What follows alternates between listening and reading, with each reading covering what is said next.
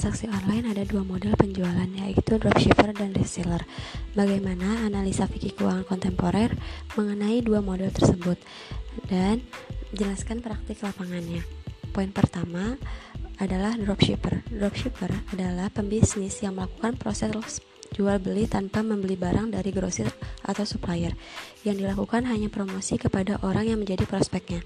Saat ada pemesanan dan pembelian, seorang dropshipper akan meneruskan order tersebut kepada grosir atau supplier untuk dilakukan proses packing dan pengiriman langsung ke alamat konsumen.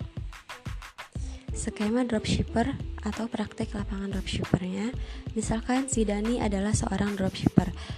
Dani menjadi seorang dropshipper dari grosir supplier Sidana.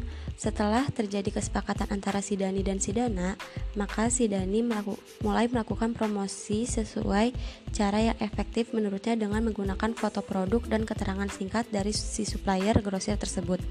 Saat ada pemesanan dan pembelian yang diterima oleh si Dani, maka si Dani meminta konsumen untuk membayar uang dengan jumlah yang telah ditentukan tentunya dengan menentukan margin sebagai keuntungan. Setelah pembayaran diterima, maka order tersebut diteruskan kepada si dana, kemudian mentransfer uang yang ditentukan kepada si dana. Setelah pembayaran diterima si dana, maka dia akan mengurus sisanya, mulai dari packing hingga pengiriman ke alamat konsumen. Menurut fikih bisnis dropshipper diperbolehkan dengan syarat yang pertama, produk yang dijual harus halal dan diketahui dengan jelas. Begitu pula penjual, baik dropshipper maupun supplier, harus menjelaskan objek jual beserta harga agar tidak termasuk produk goror dengan merujuk pada usul fikih hadis Rasulullah SAW yang artinya Rasulullah SAW melarang jual beli yang mengandung goror. Yang kedua, memenuhi unsur ijab kabul atau sigot yang menunjukkan keinginan jual beli dan ridho kedua belah pihak dan serah terima melahirkan perpindahan kepemilikan. Yang ketiga, akad yang digunakan antara dropshipper dan nan adalah jual beli tidak tunai, di mana harga dibayarkan tunai dan barang dikirim kemudian seperti halnya antara reseller dan pembeli. Sedangkan akad antara dropshipper dan supplier merupakan akad ijaroh, yaitu menggunakan skema ijaroh.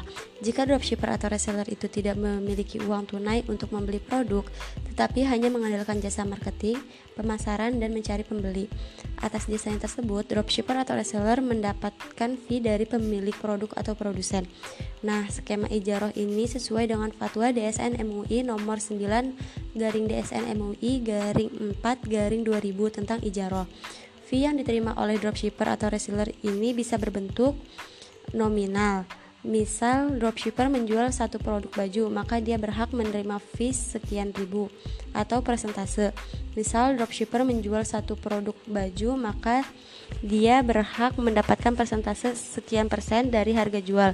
Sebagaimana hadis riwayat Abdul Razak dari Abu Hurairah dan Abi Sa'id Al-Khudri, Nabi bersabda yang artinya barang siapa memperkerjakan pekerja, beritahukanlah upahnya. Poin yang kedua adalah reseller. Reseller adalah seorang pembisnis yang melakukan proses jual beli dengan langsung membeli barang dari grosir atau supplier, disimpan sebagai stok untuk kemudian dijual kembali kepada konsumen. Skema atau praktik lapangan transaksi reseller. Misalkan Intan adalah seorang reseller. Dia membeli barang kepada Zaki sebagai grosir atau supplier produknya. Produk yang dibeli disimpan di tempat si Intan dan di stok. Saat ada pembelian dari konsumen, maka semua proses selanjutnya akan diselesaikan semua oleh si Intan. Menurut ilmu fikih, skema reseller diperbolehkan dengan ketentuan dan syarat. Yang pertama, kriteria barang jelas.